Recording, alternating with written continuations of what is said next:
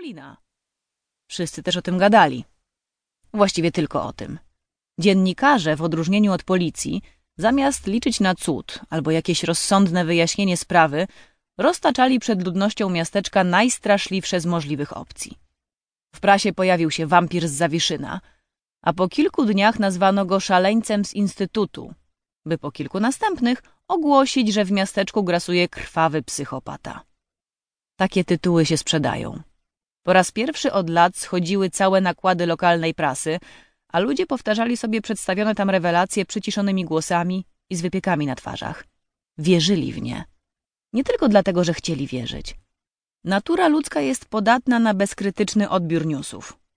Jeśli ktoś tak napisał, a wydawca wydrukował, to musi być prawda. Od dnia znalezienia zwłok przy ulicy Wiatracznej codziennie ukazywały się artykuły na temat tej zbrodni.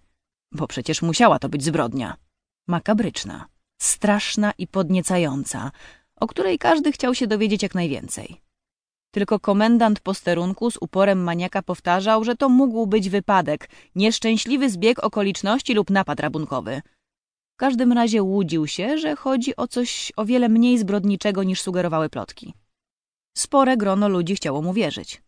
Z jednej strony dreszczyk emocji wywołany morderstwem jest jak najbardziej pożądany, z drugiej zaś wszyscy woleliby, żeby ta zbrodnia nie wydarzyła się aż tak blisko.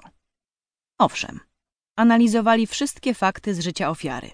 Przypominali sobie jej wady, zapominając o zaletach, w końcu za zalety się nie zabija, i starali się podejść racjonalnie do zaistniałego faktu. Skoro ktoś ją zabił, to pewnie miał za co. Jakżeby inaczej. A poza tym coś się nie zgadzało. Ten ktoś musiał być przyjezdny, obcy. Bo skąd by się wziął morderca w Zawiszynie? Tu, gdzie wszyscy się znali od lat, od dziecka, od złej i od dobrej strony. Tutaj? W miasteczku?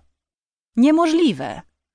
Zresztą, skoro on był nietutejszy, a ona nie grzeszyła świętością, to wszystko w porządku. Prawda?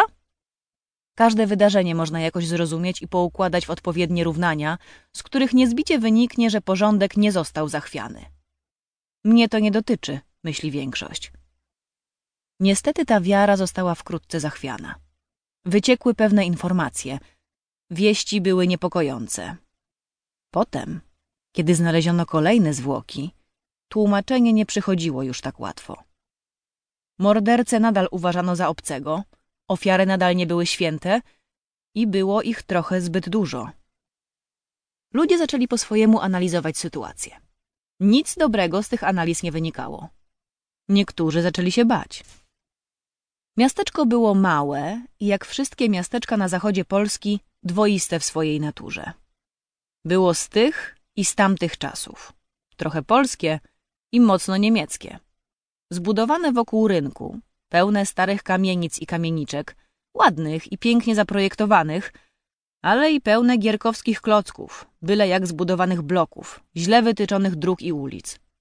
Było też dwoiste po ludzku, bo każdy był trochę stąd i trochę stamtąd, czyli z miejsca, gdzie urodzili się jego dziadkowie, rodzice lub on sam. Ludzie kochali to ciemne, bo zbudowane z poczerniałych piaskowców i starej cegły miasto. Goście mówili, że są tu piękne dachy, całkiem ładne okna wykuszowe, godne uwagi delikatne witrażowe balkony oraz ozdobione iglicami wieżyczki. Miejscowi nie zawsze dostrzegali te atuty. Było to jedno z tych miast, w którym zieleni parków i krzewów nie trzeba szukać. Sporo tu było starych dębów, młodych brzus i lip.